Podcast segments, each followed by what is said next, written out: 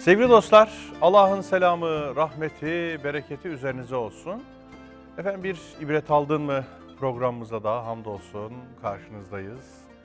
Ee, ve Hazreti İsmail'le olan yolculuğumuza inşallah bugün de devam edeceğiz.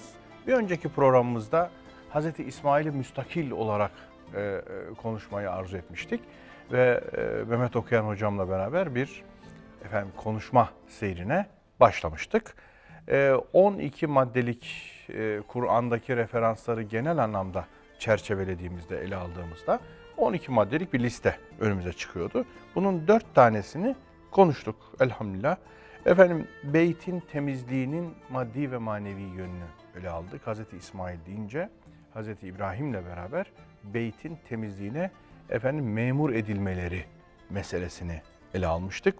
İkincisi beytin yükseltilmesi o temellerinden itibaren e, bunu hep Kabe'nin temellerinin yükseltilmesi diye zaten biliyoruz ama bir de beytin temsil ettiği değerlerin yükseltilmesi. Tabi temelleri gözeterek yine oradan hareketle yükseltilmesi. Üçüncüsü bağışlanma, fedakarlık talebi. Bunu çok geniş ele aldık. Yani önce sağlıklı bir ben e, anlayışının çok önemli olduğunu, bağışlanmayı önce kendisi için istemeyi, sonra anne babası için, sonra çevresi için bunun ne anlama geldiğini kendinden başlayarak kendi e, çabanı, gayretini, e, duan, e, fiili duanı ortaya koyduktan sonra dua etmenin, kavli dua etmenin lüzumu üzerinde durduk. Salih amel ve ardından yardım isteme denklemini kurduk. Daha sonra bir peygamber ya da peygamberler ne ister diye soru sorduk. Burada da e, zürriyetlerinden gelecek bir Resulün talebi e, istenmesi yani o risalet çizgisinin devam ettirilmesi anlamında bir talebin, bir duanın ortaya konduğunu söylemiş bulunduk. Efendim beşinci maddeye dair konuşacaklarımız olduğunu söylemiştik. Hocam tekraren hoş geldiniz. Teşekkür ederim. Allah razı olsun. Sağ olun. E, dört madde böyleydi benim Evet. hatırladığım kadarıyla. Beşinci maddeden itibaren isterseniz yürüyebiliriz. Dördüncü madde itibariyle peygamber görevlendirilmesi arzusu dile getiriyor dedik Hazreti İbrahim ve Aynen Hazreti. İsmail. Evet. Ama biz peygamberlerin hayatına baktığımız zaman mesela Hazreti Zekeriya'nın kıssasını okuduğumuzda Evet. göreceğiz inşallah. Evet. Allahu Teala'dan bir çocuk isteğinde bulunuyor. Fakat bu biraz imkansız denecek kadar zor bir istek. Çünkü kendisi yaşlı başlı, hanımı kısırlaşmış. Dolayısıyla çocuğun olamayacağı şartlarda bir dua e, yapınca Cenab-ı Hak ona bir oğul müjdelettiriyor melekleri aracılığıyla. Fakat Hazreti Zekeriya sadece bir çocuk isteğinde bulunmuyor. Nitelikleri üzerinde duruyor. Hatta çocuk ver diye duasında çocuk kelimesini de kullanmıyor. Bakın çok enteresan şeyler. Yani Kur'an kıssaları bu anlamda gerçekten çok ufuk açıcı ve çok yol gösterici bir mahiyetteler. Gerçekten. Çok ilginç bir şey var. Sözünüzü kesmiş oluyorum balla. Şimdi ismi de Zekeriya. Yani enteresan bir nükte var. Çok yaşlı, düşkün durumda. İsmi de Zekeriya. O böyle bir insan çocuk sahibi olamamış. Ve ahir ömründe ona Rabbim o niteliklere sahip bir çocuk veriyor. Evet. Yani ilginç bir gizli nükte var işin içinde. Evet, de. O, evet. o da hep ilginç gelir bana. Evet. Evet. Şimdi diyor ki e, ve inni khiftul mevaliye min verai. Ya Rabbi bir önceki ayeti okuyayım. Gale Rabbi diyor ki ey Rabbim inni vehenel azmu minni. İşte benim kemiklerim incelmeye başladı. Ve işte aler re'su şeyben. Saçım başım ağardı. Ve lem eküm bi duaike rabbi şakiyya. Ya Rabbi senden isteklerim noktasında hiç mahcup ve mahrum bırakılmadım. Bir azgın muamelesine tabi tutulmadım. Ve inni khiftul mevaliye min verai. Ya Rabbi ben benden sonra benim arkamdan geleceklerden endişeliyim. Ve kânet imraeti agiran. Benim eşim de kısır. Fehebli min ledünke. Ya Rabbi senin katından bana ihsan eyle. Veliyya. Yani fehebli min ledünke gulamen demiyor. Veleden demiyor yani. Veliyya. Veliyya. Veli yani birine dost demek. Buradaki velayet bir kulun, hele peygamber bir kulun velayet kelimesi Allah'a dostluğun ötesinde başka bir anlam ifade etmez. Yani çocuk üzerinden değil, nitelikleri üzerinden duasını şekillendiriyor. Sadece veli de demiyor. Evet. Bu niteliklerden biri. Evet. Ee, gene gene Hazreti Zekeriya bu defa Ali İmran suresinin 38. ayetinde olacak. Orada diyor ki: "Kâle Rabbi hebli min ledünke zürriyeten tayyibeten." Ya Rabbi bana katından tertemiz, arı duru bir nesil ihsan eyle. Zürriyet tek başına zürriyet demiyor. Tayyibeten. Tayyibeten. Tertemiz, arı duru bir. Sadece çokluk istemiyor, nitelikli çokluk istiyor. Evet. Sadece çocuk istemiyor, niteliği üzerinde duruyor. Eyvallah. Meryem suresinde devam ediyor. Milledünke veliyya. Bana sana dost olacak bir bir bir dost bana ihsan eyle diyor. Ki yerisuni ve yerisu min ali Yakube. Hem bana hem Yakup ailesine mirasçı olsun. Yani değerlerimizi sahiplensin. Bu misyonu götürebilecek bir nitelikte olsun. Ve nihayet ve cealhu rabbi radiyya. Ya Rabbi onu senin razı olacağın bir insan eyle. Ha, peygamber kıssaları nasıl bir çocuk istemek lazım geldiği noktasında Hazreti Zekeriya örnekliğinden bize bir yol gösterir. Başka örnekler de var ama bir tanesini söyleyelim yeterli olsun. Bunu şunun için söylüyorum. Hazreti İbrahim ve Hazreti İsmail de bizden sonra gelenlere bir peygamber gönder deyip de sözü bitirmediler. Niteliklerini sıraladılar. Niteliklerini sayıyorlar. Şimdi, Şimdi bakın onu söyleyeceğiz. Evet. Bu nitelikler teker teker ifade edeyim. O arada benzer ayet göndermelerini de yapmak istiyorum. Ee, buradan hemen hatırlatayım sonra unuturum korkuyorum. Ali İmran suresinin 164. ayetini kardeşlerim mümkünse not alsınlar. Bakara suresinin 151. ayetini ee, Cuma suresinin ikinci ayetini Cuma suresinin evet ikinci ayetini işte aslında bu Hazreti İbrahim ve Hazreti İsmail'in nasıl bir peygamber tanımı ortaya koyduklarını vahyin mantığının aynı kaynaktan beslenmesi irtibatını kurarak ortaya koymak istiyorum. Yani Bakara 151'de sayılanlar, Cuma 2'de sayılanlar, efendim e, Ali İmran 164'te sayılanlar hep aslında Hazreti İbrahim ile Hazreti İsmail'in ortaya koydukları peygamber portresinin e, müstecap bir dua olduğunun bir ispatıdır. Evet. Bakın ne diyor. Estağfirullah. Rabbena ve ba'at fihim rasulen minhum. İçlerinden, içlerinden bir peygamber. Bir defa en başta buradan başlayalım. İçlerinden peygamber. Yani böyle e, dışarıdan ithal edilmiş kültürü, medeniyeti, algısı, zihniyeti, gündemi, değerleri Bambaşka. toplumla uyuşmayan birinden peygamber göndermiyor. Evet, Kendi içlerinden. içinden, içlerinden peygamber gönderiyor. Aslında bu yabancı eğiticilerin verimli bir eğitim ortaya koyamayacakları noktasında da bize bir yol haritası verir.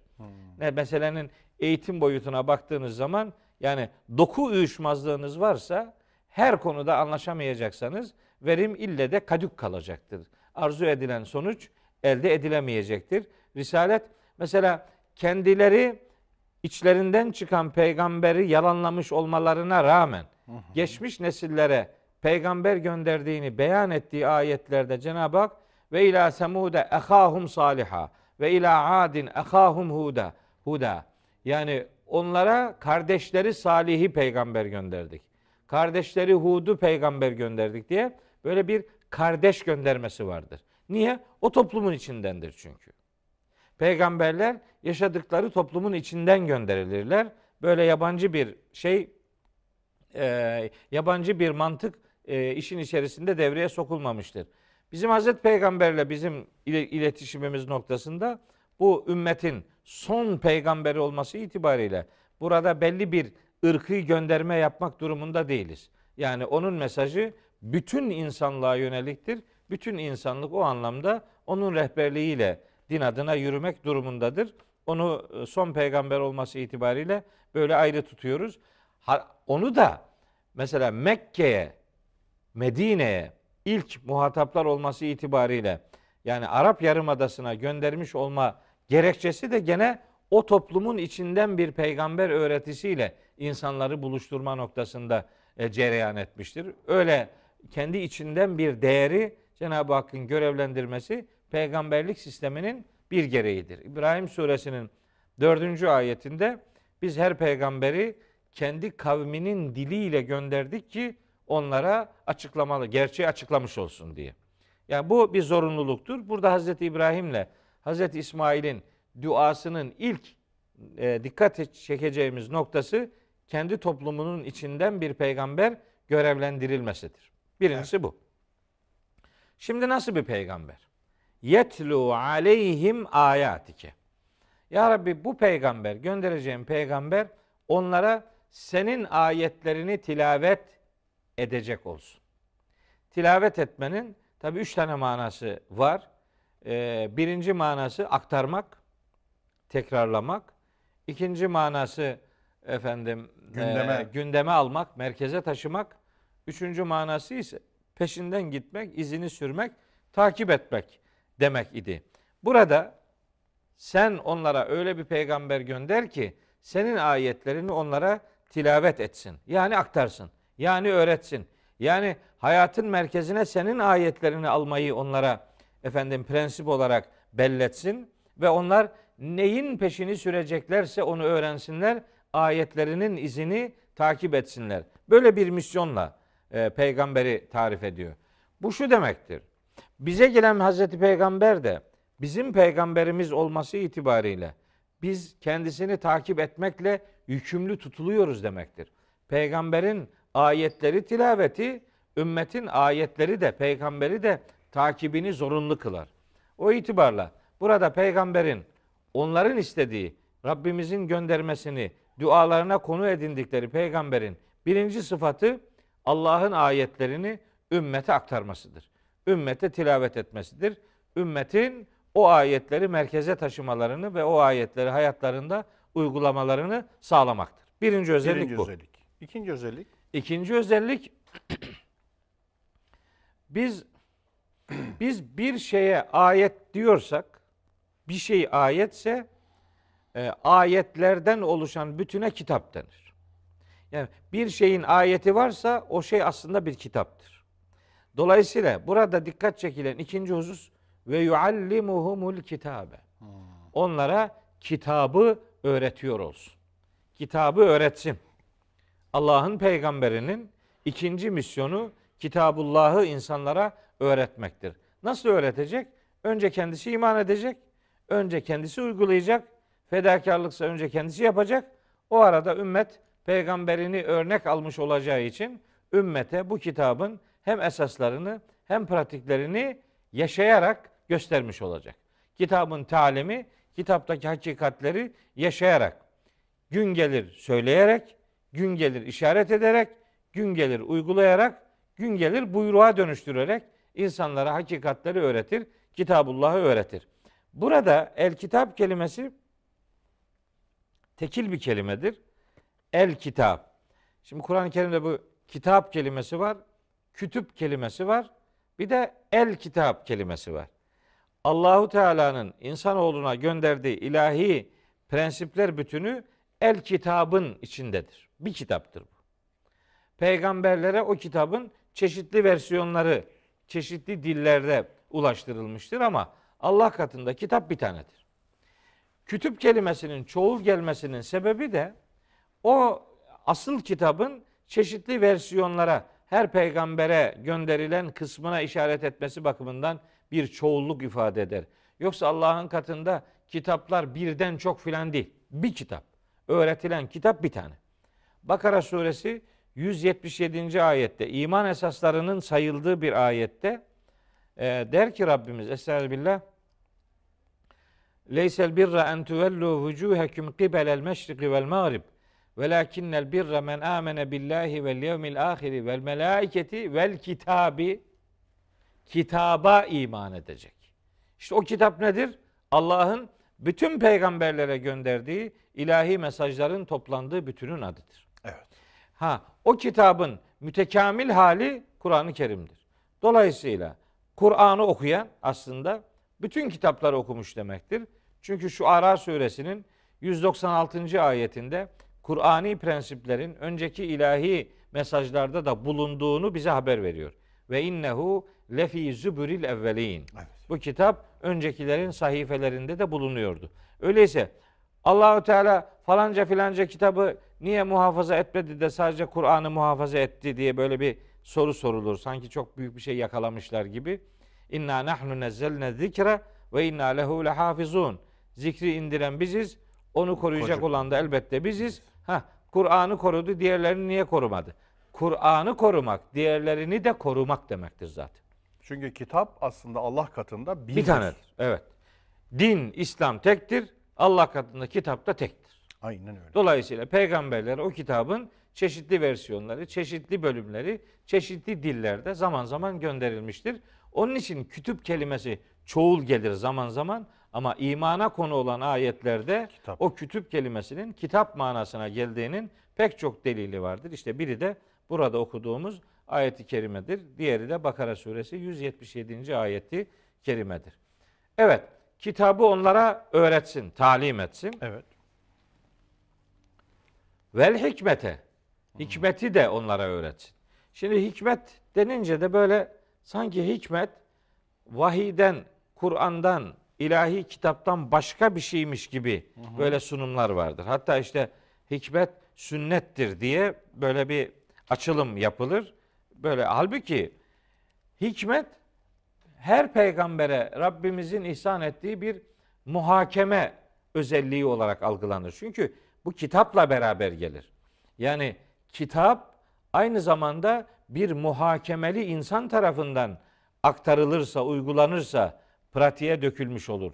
Yoksa hikmeti kitaptan ayrı bir şeymiş gibi görürseniz bu defa bir peygamberin kitap harici başka vahiylerle de ümmeti bilgilendirdiği ya da bilgilendirmek zorunda olduğu gibi bir a, anlam çıkar ama Kur'an'da bu hikmet kelimesinin geçtiği yerler böyle farklı bir şeymiş manasını elde etmemize müsait değildir.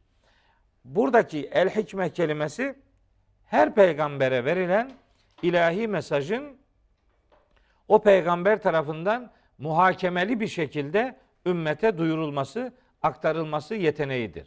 Hatta şöyle diyelim, hikmet her peygamberin kendisine gönderilen ilahi kitabı uygulama biçimidir. Yorumlama biçimidir. Faaliyete, pratiğe dökme, biçimidir.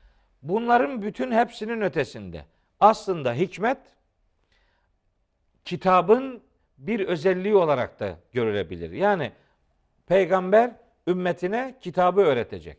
Yani o kitap aynı zamanda hikmettir. Yani içinde hikmetli şeyler vardır. Boş şeyler yoktur. Lüzumsuz şeyler yoktur. Malayani işler yoktur. Kitap hikmeti de içeren çeşitli özelliklerinden biri de hikmet olan bir kavram olarak görülmelidir. Vahiyden, Kitabullah'tan ayrı bir mekanizmanın sahibi olarak görmek doğru değil. Peygamberimizin uygulamaları bir hikmet olarak algılanabilir. Ancak onlar kitabın bir özelliği olarak görülmelidir. Evet. Kitaptan ayrı bir mekanizma olarak görülmemelidir. Görülmemelidir. Ayrı bir kulvar gibi ele Algılanmamalı. alınmamalıdır. Evet. Bu niteliklerin sonuncusu Bir tane daha var. Bir tane daha var. Bir tane daha var. Yani ayetlerin tilavet edilmesi, aktarılması, öğretilmesi, kitabın ve hikmetin talim edilmesi, Verilmesi. o da öğretilmesi. Üçüncüsü ise bütün bunların maksadını verir. Ve yüzekkihim. Peygamber onları böylece hem inançta arızalardan hem uygulamada günahlardan arındıracak. Yani nasıl arınacaklarını onlara öğretecek. Bu işte peygamberlerin üsve-i hasene oluşlarının bir başka ifade biçimidir. Kendisi arınacak ki arınmanın nasıl olduğu noktasında ümmete örnek olabilsin. İşte peygamberlerin bütününün özellikleri budur. Tilavet, talim ve tezkiye. Yani Allah'ın ayetleri aktarılacak. Evet. Allah'ın kitabı hikmet içerikli esasların sahibi kitabı öğretilecek ve böylece insanlar kendilerini arındırmaya gayret edecekler. insanlar nasıl arınacakları noktasında peygamberin örnekliğine müracaat edecekler. Onun izini takip edecekler. İstedikleri bu. Tilavet, talim, teskiye. Evet, tilavet, talim, tezkiye, 3T. Üçte. Böyle diğer okuduğum ayetleri de bu manada ille de bir daha hatırlatmak isterim. Bakara 151, Ali İmran 164, Cuma 2 ve bu ayet Kur'an'da peygamberlerin misyonunu ortaya koyan, bütün peygamberlerle alakalı misyonu ortaya koyan e, bir çerçeve e, bilinci kazandırmayı hedefler. Ve bu duasının sonunda der ki Hz. İbrahim ve Hz. İsmail inneke entel azizul hakim. Ya Rabbi sensin, sadece sensin her şeyden üstün olan. İzzet ve hikmet. İzzetin kaynağı sensin.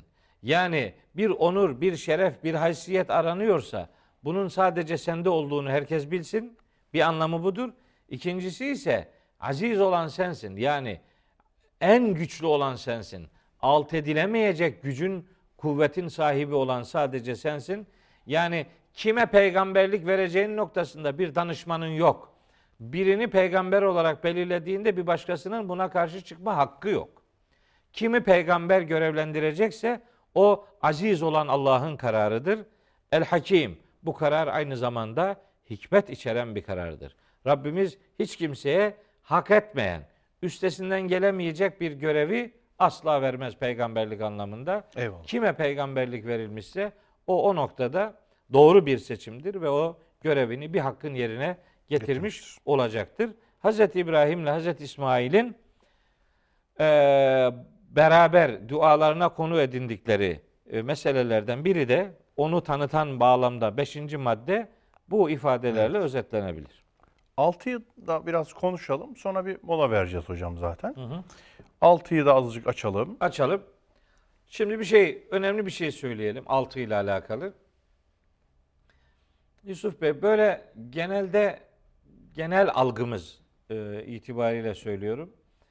Yani böyle peygamberlerin bir bölümüne sanki vahiy gelmemiş gibi, sanki peygamberlerin bir bölümüne kitap gelmemiş gibi, bir bölümünü sadece nübüvvetin, bir bölümünü sadece risaletin muhatabı gibi gören algılar vardır. Evet. Yani kültürümüze böyle yerleşmiş kabuller var. İşte suhuf var, kitap var, hiçbir şey gelmeyenler var. Önceki kitapla idare eden Edenler. yani onun ahkamını uygulayanlar var filan vesaire. Bu vahiy alan suhuflara muhatap kılınan peygamberler noktasında da belli isimler zikredilir. Zikredilir, evet. İşte Tevrat Hazreti Musa'ya ki bu doğru bir bilgi değildir. Tevrat bütün İsrailoğullarına gönderilen ilahi mesajın bütününün adıdır. Kur'an-ı Kerim'in hiçbir yerinde Tevrat'ın Hazreti Musa'ya verildiğine dair hiçbir ifade yoktur. Hazreti Musa'ya verilen beyinattır, kitaptır, el kitaptır yani. Evet. Tevratsa İşte bütün- İsrailoğulları ile alakalı. Bütün İsrailoğlu peygamberlerine gönderilen mesajların bütününün adıdır Tevrat. Ha, üst çatı. Evet. E, Çatı bir kavram Tevrat. Bir Tevrat'ın adı geçer. İşte bir İncil'in adı İncil. gelir, geçer. İncil'den önce bir de Zebur'un adı geçer. Davut peygamberle alakalı. Mezamir geçiyor mu hocam? Mezmur. Mezmur değil de Zubur diye geçiyor. Zubur geçiyor, Evet. Zubur ve Zebur yani. Zebur, Zebur. ve Ateyna Davud'e Zebura. Zabura. Hı hı. Ee, geçiyor. O da birkaç ayette var. Enbiya suresinde var, İsra suresinde var. Şimdi okuyacağım e, Nisa suresinde var. E, Kur'an-ı Kerim Hazreti Peygamber dört büyük kitap olarak bunlar sayılıyor. Hı hı. Tevrat, Zebur, İncil, Kur'an-ı Kerim dört kitap. Bir de yüz sayfeden söz ediyor. İşte bunların Hazreti İbrahim'e, İbrahim. Hazreti Adem'e, Hazreti Şiit'e filan verilen böyle e, yüze tamamlanan bir sayı var. Sanki diğerlerine suhuf verilmemiş, sanki diğerlerine kitap Vahiy verilmemiş, gelmemiş. sanki diğerlerine vahiy ulaştırılmamış gibi bir algı var zihinlerde. Şimdi bakın, bu algıyı Kur'an'a bir vuralım bakalım. Bakalım Kur'an böyle, ne, böyle mi diyor yani? İki grup ayet okuyacağım. Ee, bu ayetlerle bu meselenin açığa çıkacağı kanaatindeyim. Hazreti İsmail özelinden söylüyorum. Sayacağım ayet ayetlerin içerisindeki peygamberler tarihinin bir özeti bağlamında Hazreti İsmail de içlerinde yer aldığı için bunu söylüyorum. Buyuruyor ki Rabbimiz Nisa suresi 163. ayette. Estağfirullah. İnna evhayna ileyke kema evhayna ila Nuhin ve nebiyyine min ba'dihi. Biz sana vahyettik. Daha önce Nuh'a ve ondan sonra gelen peygamberlere, nebilere ve nebiyyine kema evheyna ila Nuhin Nuh'a vahyettiğimiz gibi ve nebiyyine nebilere de min ba'dihi Vahyettik. Tabi. Demek ki nebiler vahiy alıyormuş. Bir. Vahiy almayan adam peygamber diye nitelendirilemez. Böyle bir şey yok. Nereden bilecek adam peygamber olduğunu yani? İlla vahiy alıyor olması lazım. Şimdi bakın. Bu genel ifadeden sonra bir liste veriyor Allahu Teala. Ve avhayna ila İbrahim'e ve İsmail'e ve İshak'a ve Yakub'e ve esbatı ve İsa ve Eyyub'e ve Yunus'e ve Harun'e ve Süleyman'e. 10 tane peygamber sayıyor. Bunlara da vahyettik diyor. Demek ki Hazreti İsmail de vahiy alan peygamberlerden biridir. Almış. Ve ateyna Davud'e zebura. Ve nihayet biz Davud'a da zeburu vermiştik. Bu 11. peygamber. Hazreti Nuh'u sayarsanız 12 böyle sayıyor. Başta Hazreti Peygamber dedi 13. Bir peygamber sayısı var burada. Şimdi 164. ayette buyuruyor ki Estağfirullah.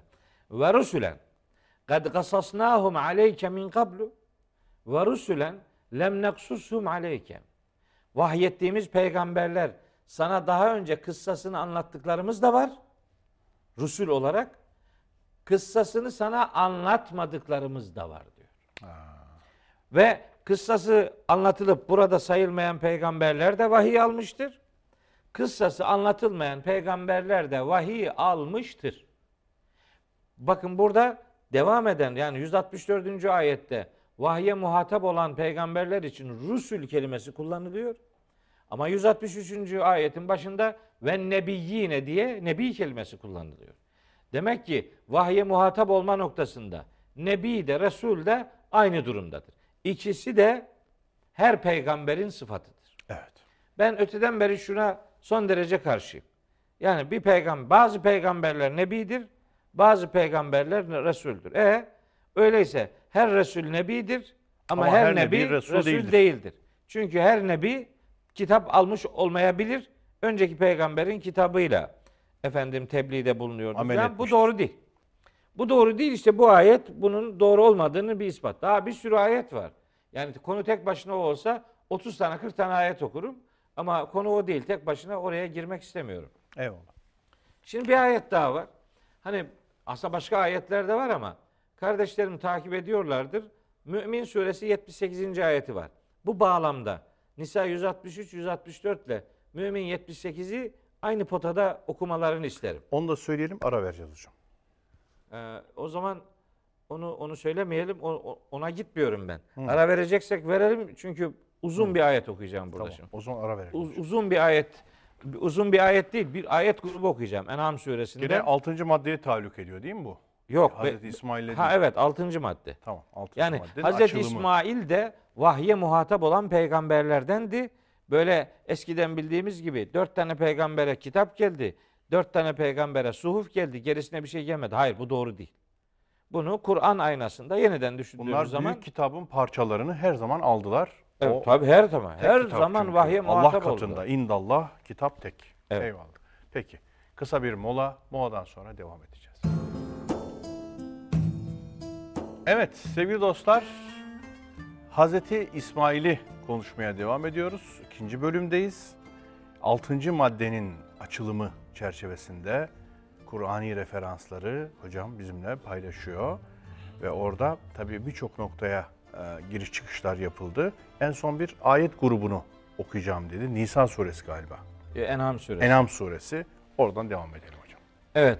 Allahu Teala bütün peygamberlerine vahiy göndermiştir. Onun üzerinden e, vurgu yapmaya çalışıyorum. Şimdi En'am suresinin 83. ayetinden 90. ayetine kadar bir pasaj var. Bu pasajda e, Rabbimiz bu gerçeğe başka bir e, başka e, açılardan da katkılar sunarak bizim önümüze koyuyor.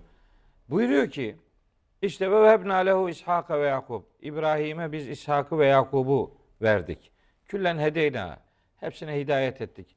Ve Nuhan hedeyna min kablu. Daha önce Nuh'a da hidayet etmiştik. Ve min zürriyetihi Davud'e ve Süleyman'e ve Eyyub'e ve Yusuf'e ve Musa ve Harun ve kedalike nezzil muhsinin ve Zekeriya ve Yahya ve İsa ve İlyas küllün mines salihin ve İsmail'e ve Yes'a ve Yunus'e ve Lut'a ve küllen faddalna alel alemin. Hepsini sayıyor.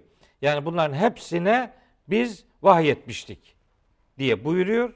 Hepsine hidayet etmiş, hepsine vahyetmiştik. Ondan sonra bunların babalarından, çocuklarından, kardeşlerinden de peygamberler gönderdik. Ve işte beynahum ve hedeynahum la sıratı müstakim. Onların her birini seçkin kıldık ve her birini müstakim, dosdoğru yola hidayet ettik, eriştirdik. Ondan sonra 89. ayette buyuruyor ki Ulaikellezine işte bunlar var ya bu sayılan burada isimleri 15-20 tane isim sayıyor. İşte bunlar var ya ateynahum biz onlara verdik hepsine. Ne verdik? El kitabe. Bütün peygamberler kitaba muhatap kılınmışlardır. Bir. Vel Hepsine hükme. verdik hepsi, diyor çünkü. hepsine. Sayılanların hepsine başka yerde de başka sayılmayanlar var. Onu da söylüyor. Yani bütün peygamberlere Allahu Teala zaten babalarından, zü- zürriyetlerinden, kardeşlerinden de başka peygamberler gönderdik demekle yani bu alanın oldukça geniş olduğu bilgisini veriyor.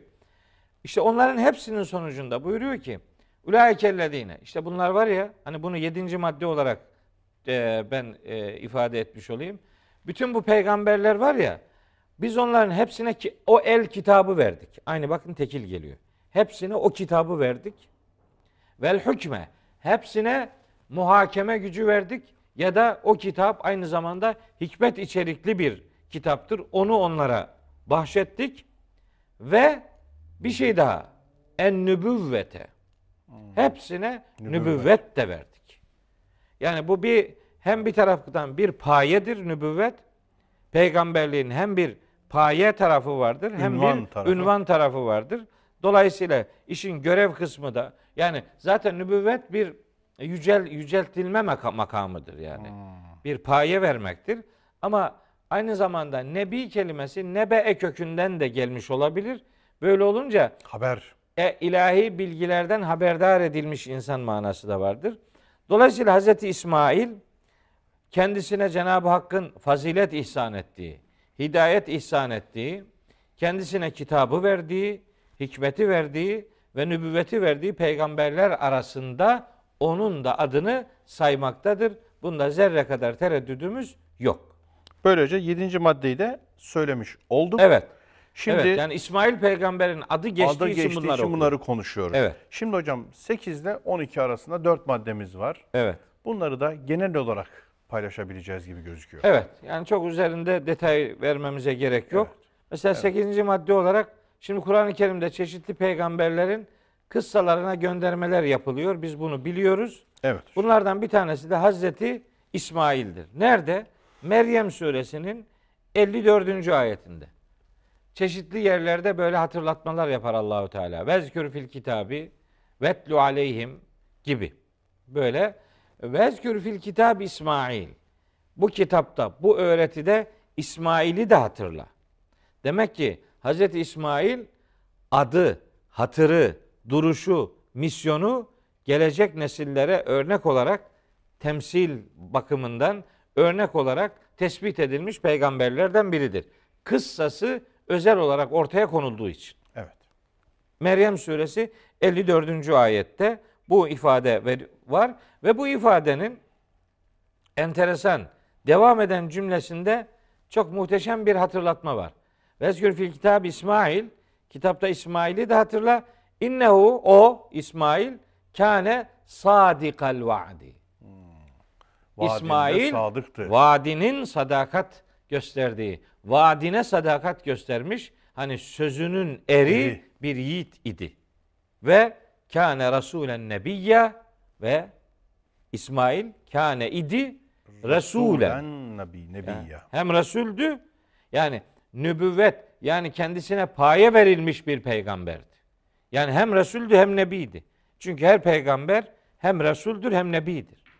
Ama iki, ikisi arasında bir ayrım yapılacaksa en çok şu söylenebilir.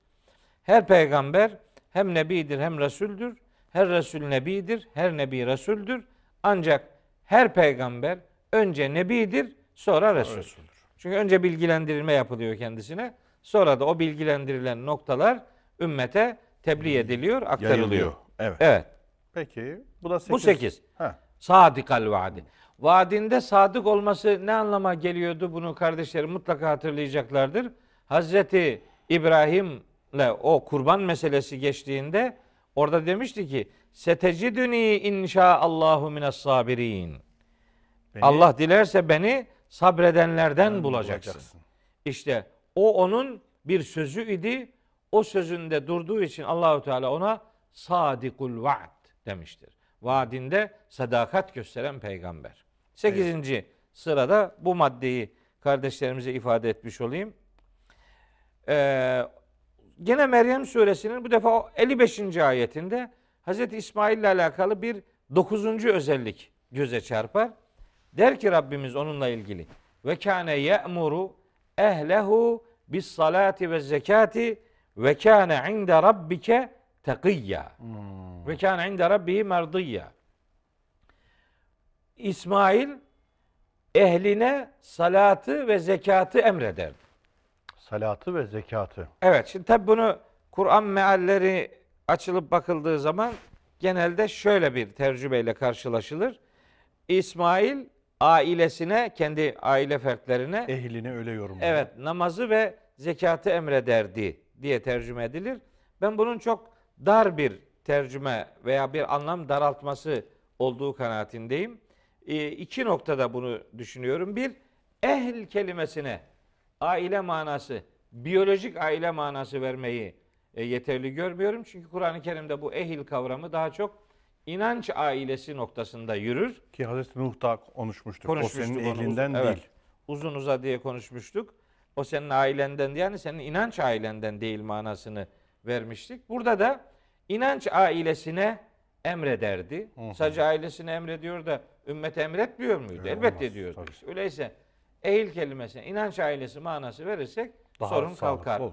Bir, bir nokta bu. İkincisi salat kelimesi e, ekame, yukimu, ikame kökünden o kelimelerle kullanılırsa formu belli bir ibadet olarak namazı anlatır. Eğer o kelimeler yoksa as-salah kelimesi dua ve genel manada ibadet Anlamına gelir. anlamına gelir. Ee, nama, buna namaz demek mesajı daraltmaktır. Tabi ikame fiiliyle beraber gelmediğinde De- formu belirsiz olur. Olur ve genel ibadet. Genel ibadet anlamına Ya evet, gelir. Allah'a dua etmek, Allah'tan yana olmak, Allah'ın dinine destek olmak gibi manalar verir. Bu anlamda Allah'tan yanalığı emrediyordu. Hmm. Ha, bu Allah'tan yanalığın içerisinde namaz yok mu? Var tabi. Olmaz mı? Namaz tam bir tevhid eylemidir. Tabii. Belki bunların birinci örneği namazdır. Eyvallah. Ama meseleyi sadece namazdan ibaret sayıp kavramın kapsamını daraltmak durumunda değiliz. Nitekim ikinci kelimeye de bildiğimiz manada zekat manası vermeyi de çok yeterli görmem.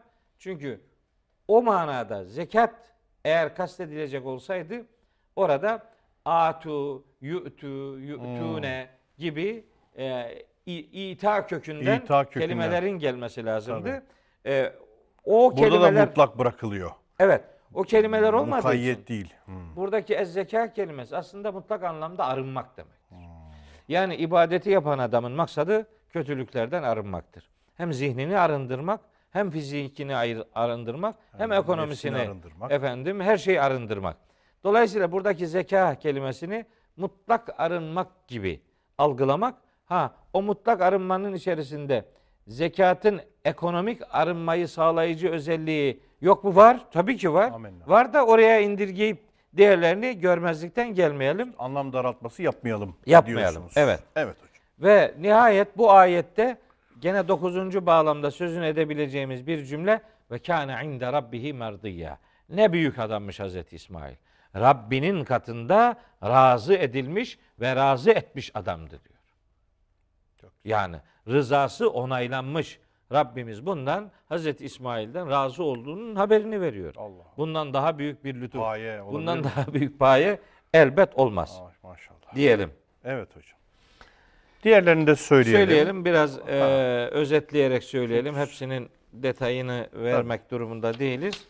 Hazreti İsmail hem iyilerden bir yiğit idi Hı. hem de son derece yumuşak huylu bir e, tabiata sahipti.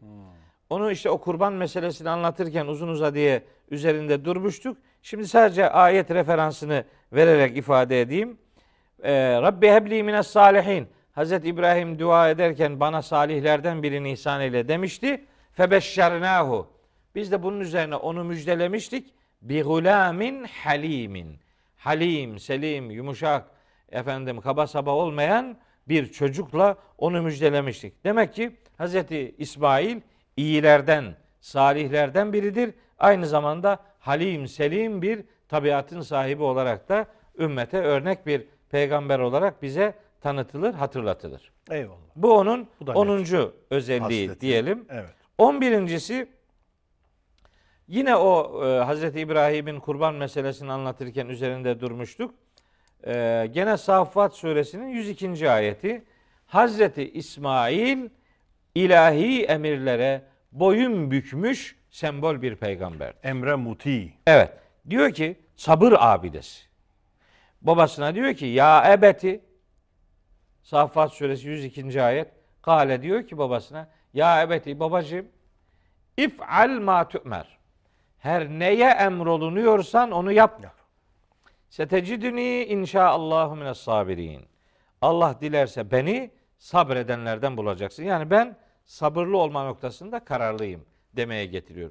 Bu özellik Hazreti İsmail'in ilahi emirlere karşı mü- müthiş bir boyun bükücülük e, özelliğinde olduğunu ayrıca sabır abidesi bir teslimiyet abidesi yiğit olduğunu bu ayet bize Hazreti İsmail özelinde öğretiyor.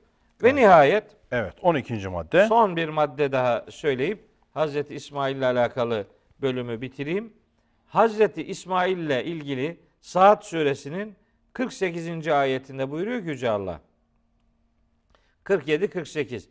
48 okuyalım. Vezkur İsmail'e vel yesa'a ve zel kifli. Sen şimdi İsmail'i, El Yesa'ı ve Zülkifli hatırla. Hani dedim ya hep böyle bir adı abideleştirilmiş insanlar var peygamberler. Onlardan biri Hazreti İsmail'dir. Burada da o noktada bir hatırlatma yapılıyor ve Rabbimiz buyuruyor ki küllün ve küllün minel ahyari. İşte bunlar var ya ümmetin, insanlığın en hayırlılarıydılar. Maşallah. Dolayısıyla Cenab-ı Hakk'ın yani adını ebedileştirdiği, seçkinlerden kıldığı ve en hayırlılardan diye tarif ettiği peygamberler zümresinden İsmail Aleyhisselam'ı da ayrı tutmamış. Onu bizim için bu anlamda sembol isimlerden biri haline getirmiştir. İşte böyle Allah razı olsun. 12 maddelik e, Çok bir güzel Hazreti İsmail özet oldu. özetiyle Yani bir genel tabloyu bütüncül olarak gördük. Evet. Benim açımdan da çok hoş oldu. Evet. Gönlünüze sağlık. Sağ Allah olun. razı olsun. Allah sizden de razı olsun. Sağ olun. Sağ olun. Evet efendim Hazreti İsmail'i noktalı virgülle burada bölüyoruz. Geri kalanını sizin dünyanıza havale ediyoruz. Bir sonraki programda görüşmeyi ümit ediyoruz. Allah'a emanet olun.